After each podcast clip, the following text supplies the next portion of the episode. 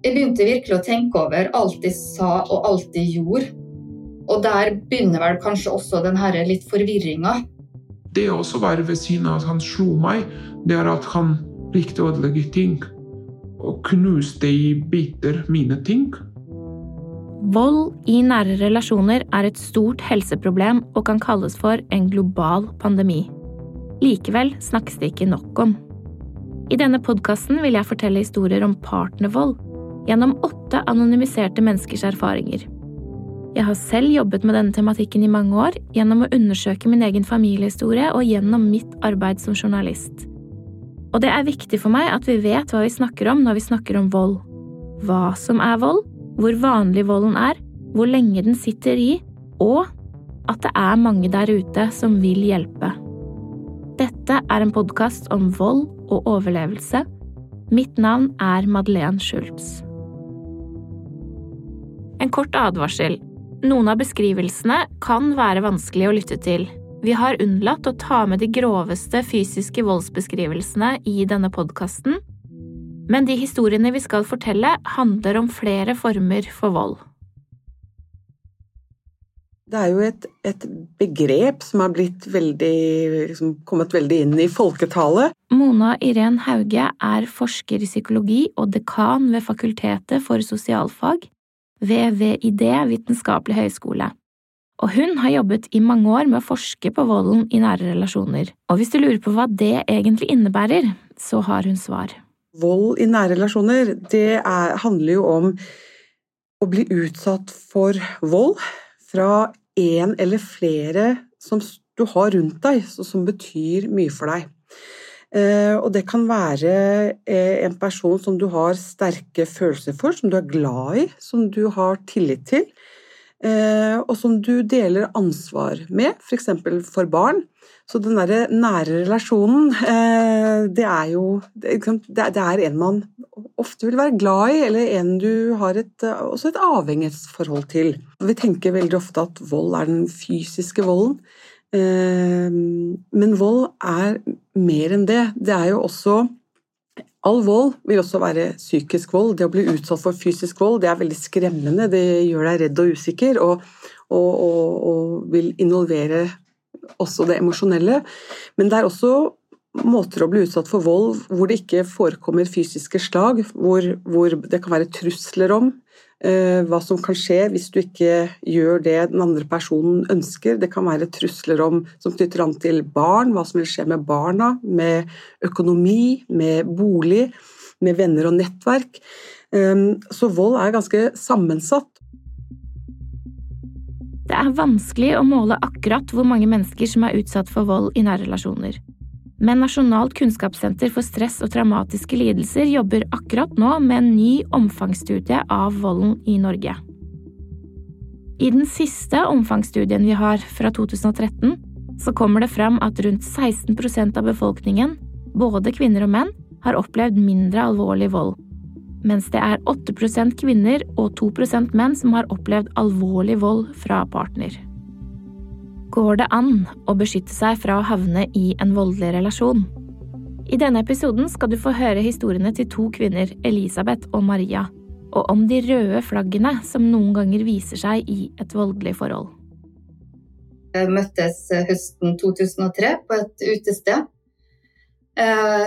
Eh, jeg hadde egentlig ikke i tankene at jeg skulle møte noen. Jeg var på et veldig bra sted i livet. Jeg hadde fullført uh, utdanninga mi, hadde vært alene med et barn. Uh, allikevel, jeg, jeg, følte at jeg hadde, jeg hadde, livet på stell. Jeg hadde fått meg en bra jobb, jeg hadde kjøpt leilighet. Altså her, og jeg var fremdeles ung og tenkte at livet Da hadde jeg på en måte opplevd noe litt sånn um, vanskelige ting i livet, men så tenk, var full av optimisme og ung og tenkte at livet har jo noe bra i bakhånd til meg òg. Eh, så møter vi eh, jeg og venninna mi som var ute, vi møter en guttegjeng og spør om det var ledig ved bordet der, og så fikk vi sette oss ned. Og sånn kom vi i snakk. Elisabeth ble kjapt betatt. Men var egentlig en veldig sånn fin type som var interessert, som spurte meg om ting som var viktig for meg. Han spurte meg hvordan det var å være alene med det barnet, og han roste meg liksom så flink du har vært, og sa ting som eh, egentlig ingen andre noen gang har sagt til meg. Eh, Snakka veldig mye om barna sine og tiltalte meg veldig at han var så engasjert i dem. De fortsatte å holde kontakt, og det tok ikke så lang tid før Elisabeth og denne mannen her begynte å treffe hverandre ganske ofte. Det forholdet ble jo egentlig veldig raskt intenst. Eh, og han var veldig god på å si de rette tingene uten å på en måte være eh, sånn pompøs eller eh, at han prøvde å imponere meg på noen måte. Han virka, han fremsto ikke sånn. Han var bare sånn veldig sånn fin. Og kom på jobben min bare for at han måtte se meg. Sendte blomster til meg på jobben. Ga meg en type oppmerksomhet som var bare sånn Oi! Jeg følte at det vi hadde der og da, var helt unikt og spesielt. Uten å ta med fortsettelsen, så var akkurat denne starten det beste jeg har opplevd i hele mitt liv. Det er helt fantastisk å være nyforelska sammen med sånn type mennesker. Det er jo det som gjør det også veldig skummelt. Når Elisabeth ser tilbake på begynnelsen, så ser hun jo at det var ting som skurret allerede da. Jeg var invitert på middag til han. Det var kanskje sånn date nummer to. da, At vi hadde vært ute en gang. Og så uh, møttes vi Han bedde meg på middag hjem. Uh, veldig flink til å lage mat. Uh, tre retters og vin, og alt var veldig sånn fint, koselig. Og så sier han sånn i all sin vennlighet at Eh, for jeg hadde på meg en, en ring. Sånn Den ringen her, betyr mye for deg, eller? Sånn Nei, ja, kanskje litt. Jeg har jo arva den, da. Så det er jo en eh, Etter mormora mi. Hun er død. Ja, det er egentlig. Jeg gikk alltid og så på den ringen til mormor og syntes den var så fin. Uh, hvordan det? Nei, jeg er så veldig glad i gull, jeg skjønner. Og så ble jeg sånn Å ja. Så jeg tenkte hvorfor sier han det? Var litt sånn rart. Men det er jo egentlig ikke en sånn frekk ting sånn der og da. Det var bare litt sånn rar ting å kommentere. Litt etter litt, og nesten helt umerkelig, så begynte Elisabeth å tilpasse seg. Ja, altså jeg, jeg, begynte å vurdere jo hva jeg sa. Altså, sånn når jeg kom på middag til han neste gang, så hadde jeg jo ikke tatt på meg den ringen. Sant? Bare sånne små, bitte små, egentlig ubetydelige ting, kanskje. Men det, det er jo det som er med dette her, og det er derfor du plutselig sitter i det òg. Som å koke en frosk er det et uttrykk som heter når man varmer opp vannet frosken ligger i så gradvis at den ikke vil merke det før det er for seint. Uh, og så begynner han å fortelle litt sånn om sin lidelseshistorie fra det for, forrige forholdet, om hvor vanskelig han hadde hatt det der. Eh, sånn at eh, Han var så glad for at han har møtt meg, for han syntes han fortjente å være lykkelig nå. Og jeg var jo en person som kunne, som kunne, gjøre han lykkelig. Og med det så begynte et slags sånt ansvar nesten å bli lagt over på meg. Elisabeth utviklet en stor respekt og sympati for mannen hun hadde forelsket seg i. Kanskje var det også det som gjorde at det ble lettere for han å flytte på grensene hennes. Dette var jo en mann som la veldig mye av sin livslykke i bestemte former for eh, sex. Han begynte ganske tidlig å presentere det for meg. Eh, og så var jeg ærlig og sa at det her er ukjent, jeg er uerfaren. Mens jeg tenkte at hvor ille kan det være? Liksom litt, litt artig sammen med rette mannen. Det kan man jo gå om på. Og når du på en måte gir litt på den fronten her, og så ser du den derre lykken eh, hos han, og hvor høyt han eh, elsker meg og verdsetter meg, eh, gjør at du får litt sånn Oi, det er dette som skal til. For da er du jo kjempeforelska. Eh, og på det tidspunktet han, i starten av forholdet, når han lanserte at eh, nakenhud og vanlig berøring er ikke det som er det mest fascinerende i min verden. Jeg liker litt annet. Så kunne jeg ikke på det tidspunktet forestille meg at han skulle stå for liksom de største krenkelsene og ydmykelsene på det mest private, intime området som finnes.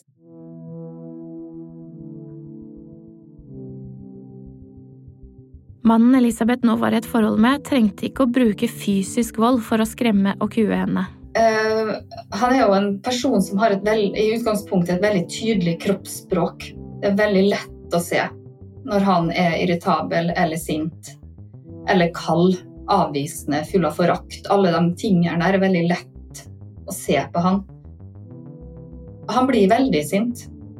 Han blir sint i hele kroppen og går ikke av veien for å slå den knyttneven i bordet eller i veggen rett over hodet mitt.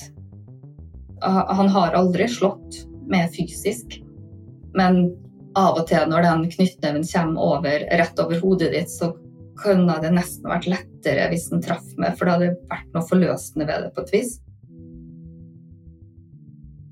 Ikke alltid at han sa ting, men han endra humør i forhold til ting som skjedde eller ting jeg sa, som gjør at eh, jeg begynte å bli veldig forvirra, veldig utrygg. Jeg begynte virkelig å tenke over alt jeg sa og alt jeg gjorde. Og der begynner vel kanskje også den her litt forvirringa. Eh, at det hadde vært mye lettere hvis jeg bare kunne forstå hvordan han hadde det, og hva han trengte. Elisabeth sitter rett foran meg på en videolink. Hun kunne vært en hvilken som helst norsk kvinne i midten av livet. Tid og sted, eller flaks og uflaks, det er lite annet som skiller meg fra henne. Volden kan ta flere former, som for eksempel fysisk vold, psykisk vold, seksuelle overgrep, latent vold, omsorgssvikt, økonomiske overgrep, materielle overgrep, digital vold, negativ sosial kontroll, tvangsekteskap og kjønnslemlestelse. Forsker ved Nasjonalt kunnskapssenter for vold og traumatisk stress og professor ved Sosiologisk institutt ved Universitetet i Bergen, Margunn Bjørnholt, hun har jobbet med denne tematikken i mange år og har gjort seg opp noen tanker om hvordan man bør forstå volden. Eh, det er viktig at vi beveger oss bort fra en sånn forståelse av volden som at det handler om enkelthendelser. Fordi det er akkurat det at det er en, det er en form for altomfattende tvangssituasjon. Hvor eh, det kan være ulike, det kan være ulike konkrete uttrykk for den situasjonen. Det kan være fysisk vold også, eh, og ikke minst seksuell vold.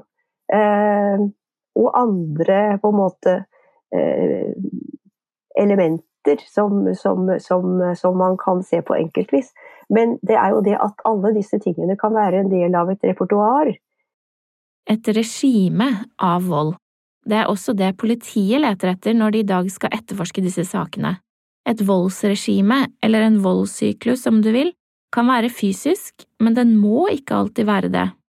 Det å bryte ned et annet menneske, det kan man også gjøre gjennom psykisk manipulasjon, kontroll, truende atferd og konsekvent nedsettende ordbruk. Jeg tenker kanskje det beste er å sammenligne med en gisselsituasjon. Det er et angrep på personens integritet som et eget menneske, på friheten, på retten til å være seg selv. Til å ha sine egne tanker, meninger, seksualitet. Leve og være et eget menneske. Voldsutøveren tar kontroll og eh, på ulike måter eh, sørger for at man undergraves og undermineres. Mange slutter å tro at de opplever det de gjør, fordi det er, det er manipulering. Eh, det som på engelsk kalles for gaslighting. Altså, eh, og dette er teknikker som brukes hvor man begynner å tvile på det man selv opplever, fordi man blir fortalt eh, at det er det motsatte. At det er du som er gal, du som misforstår, at dette er kjærlighet.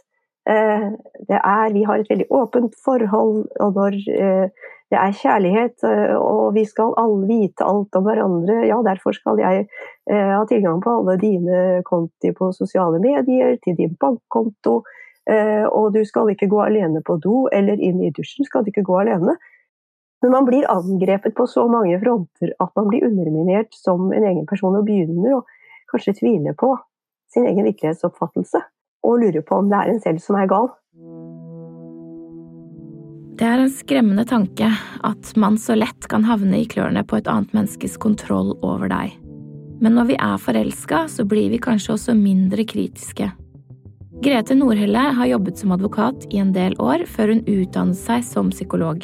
Og med begge de erfaringene i baklomma har hun både skrevet bøker om og jobbet med konflikthåndtering og manipulasjon. Og selv om det er vanskelig å oppdage disse menneskene, så finnes det ifølge Grete likevel noen røde flagg. Et rødt flagg er når noen blir ekstra hyggelig. Altså det blir litt vel mye. Det er for godt til å være sant, er det jo et ordtak som heter. Og det er det faktisk. Det er for godt til å være sant. Når, det blir, ikke alltid, men veldig ofte, når noen blir veldig på, blir veldig aktive, veldig positive, veldig sjarmerende, så bør vi egentlig sette litt på bremseklossen. Det er ikke så lett, kanskje, å sette på bremseklossen for en person som også kan få deg til å føle deg helt spesiell. Det som er eh, holdt på å si, hemmeligheten ved, for en manipulator, det er jo at de bereder grunnen. Og det er alt dette her hvor de enten fremstiller seg selv som fantastiske, eller de sier at du er fantastisk. Og de bruker ganske mye tid og energi på den fasen der. Fordi at når du har da fått tillit til den personen, for de bygger tillit Når du har fått tillit, så slutter du å ha oppegarden din vakten din. Da begynner du å slappe av, og da tar du for god fisk alt som blir sagt og gjort. Hvem av oss går egentlig rundt med garden oppe hele tiden? Altså, egentlig så er det veldig vanskelig å gjennomskue på kort sikt at det er noe annet bak. At dette ikke er ekte. Og vi er jo ikke der helt totalt skjerpet for å forstå. Eh, og noen ganger så tar det lang tid. Jo mer vi er sammen med noen, jo bedre kjent blir vi med dem. Så jo mer begynner vi å se andre sider, og det blir vanskelig å opprettholde det spillet hele tiden. Da begynner det å slå sprekker.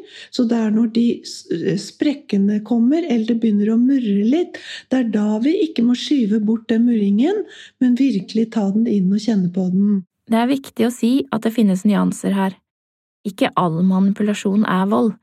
Nordhelle skiller også mellom hverdagsmanipulasjonen og den skadelige manipulasjonen. Så hvis du har med deg barn i en butikk som da er veldig interessert i et eller annet, og så begynner de oppmerksomheten der, og så begynner du å si 'Neimen, se bort på der, da'. En avledningsmanøver. Det er en klassisk manipulasjonsstrategi. Dette driver vi med alle sammen. Men det jeg er mest opptatt av, det er jo den skadelige manipulasjonen. Og det betyr at det er ikke situasjonen som gjør at vi manipulerer, men vi har det med oss i vår personlighetskarakter og leter etter mennesker vi kan bruke og manipulere dem for å bruke dem til våre formål. Men selv når du har garden oppe helt fra begynnelsen av, så kan det være vanskelig å slippe unna voldelig atferd. Maria er en kvinne som er litt yngre enn Elisabeth, og som kom til Norge for en del år siden som student fra et land lenger sør i Europa. Av sikkerhetsgrunner er stemmen til Maria fordreid for å gi ekstra anonymitet. Det som jeg husker, eh, det er da vi møttes for første gang. Han virket eh, kald og uinteressert. Det som jeg husker fra den kvelden, at jeg hadde noen eh, indre følelser at eh, han er ekkel. Det var noe som jeg ikke likte i det første, første møtet med han. Selv om hun hadde en dårlig magefølelse, så ble ikke Maria helt kvitt denne fyren. Og så, eh, en kveld flere dager etter, satt vi traff vi hverandre så trengte jeg, eh, trengte jeg uh, fikse en lyd og ja, det var noe sånt. Uh, hvor han tilbyr seg å hjelpe meg. Så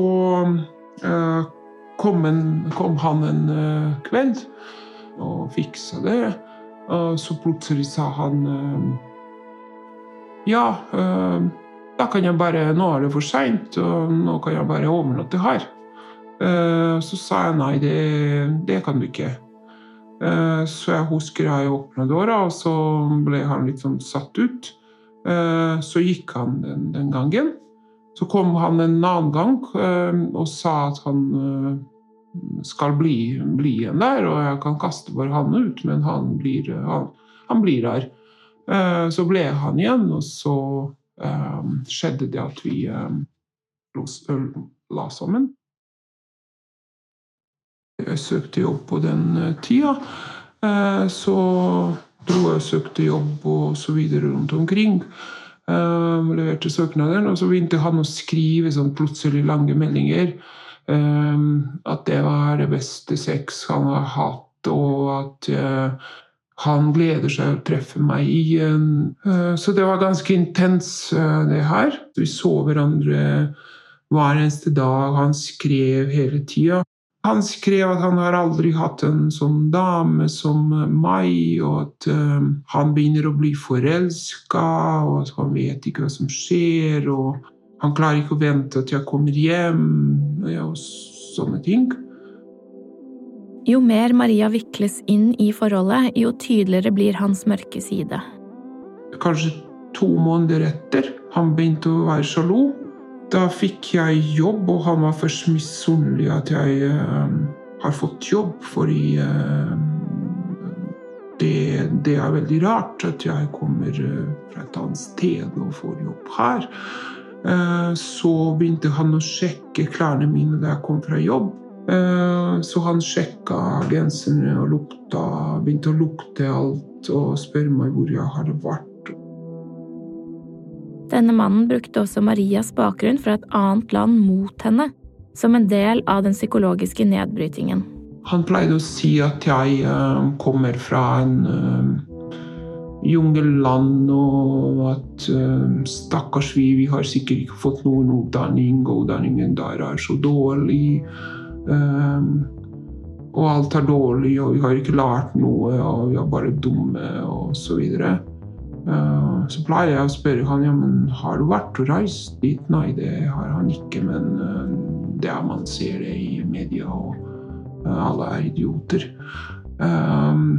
og stjeler jobbene til, til han og andre. Ganske raskt etter at de ble sammen, så ble kjæresten hennes også fysisk voldelig, og ikke bare mot henne. Det å også være ved siden av at han slo meg, det er at han likte å ødelegge ting. Det er det som ga han et eller annet, men han det var masse tingene, ting som han knuste i biter mine ting. Uh, klær, og når vi var på ferie, når han klikker, da skulle han ta kniv og skjære i alle skoene mine og uh, gensere og ødelegge alle klærne som, som jeg hadde. Ved flere anledninger endte Maria opp med omfattende fysiske skader. Hun ble oppfordret av en venn til å anmelde, men hun turte ikke, for hun var redd for at det skulle skade hennes sjanser til å bli værende i Norge og jobbe. En kveld ble hun banket opp og ble liggende i oppgangen av en bygård.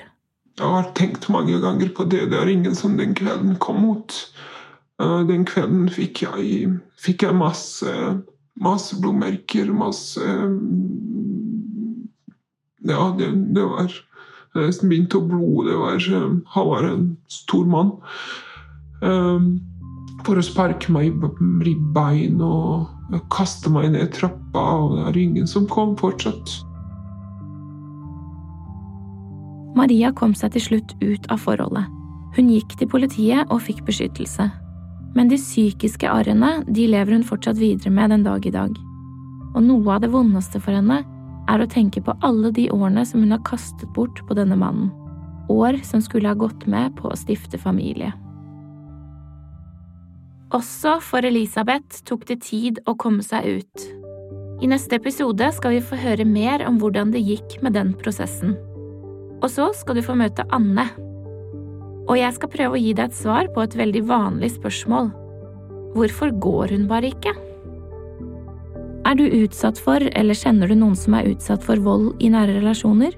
Sjekk ut dinutvei.no, ring ditt kommunale krisesenter eller VO-linjen på 116 006. Denne podkasten er produsert eksklusivt av Filt for Psykologisk institutt ved Universitetet i Oslo og Norske kvinners sanitetsforening. Research, manus og klipp ved meg, Madeleine Schultz. Produsent er Anne Gerd Grimsby Haarr, og koprodusent er Ida Palin Bostadløkken. Prosjektledere hos UiO er Joyce Antonia Oyokoyo og Beate Seibt, som også er ansvarlig utgiver. Takk til alle kilder som har delt sine historier, og fagpersoner for å bidra med sin kunnskap. Podkasten er støttet av Stiftelsen DAM.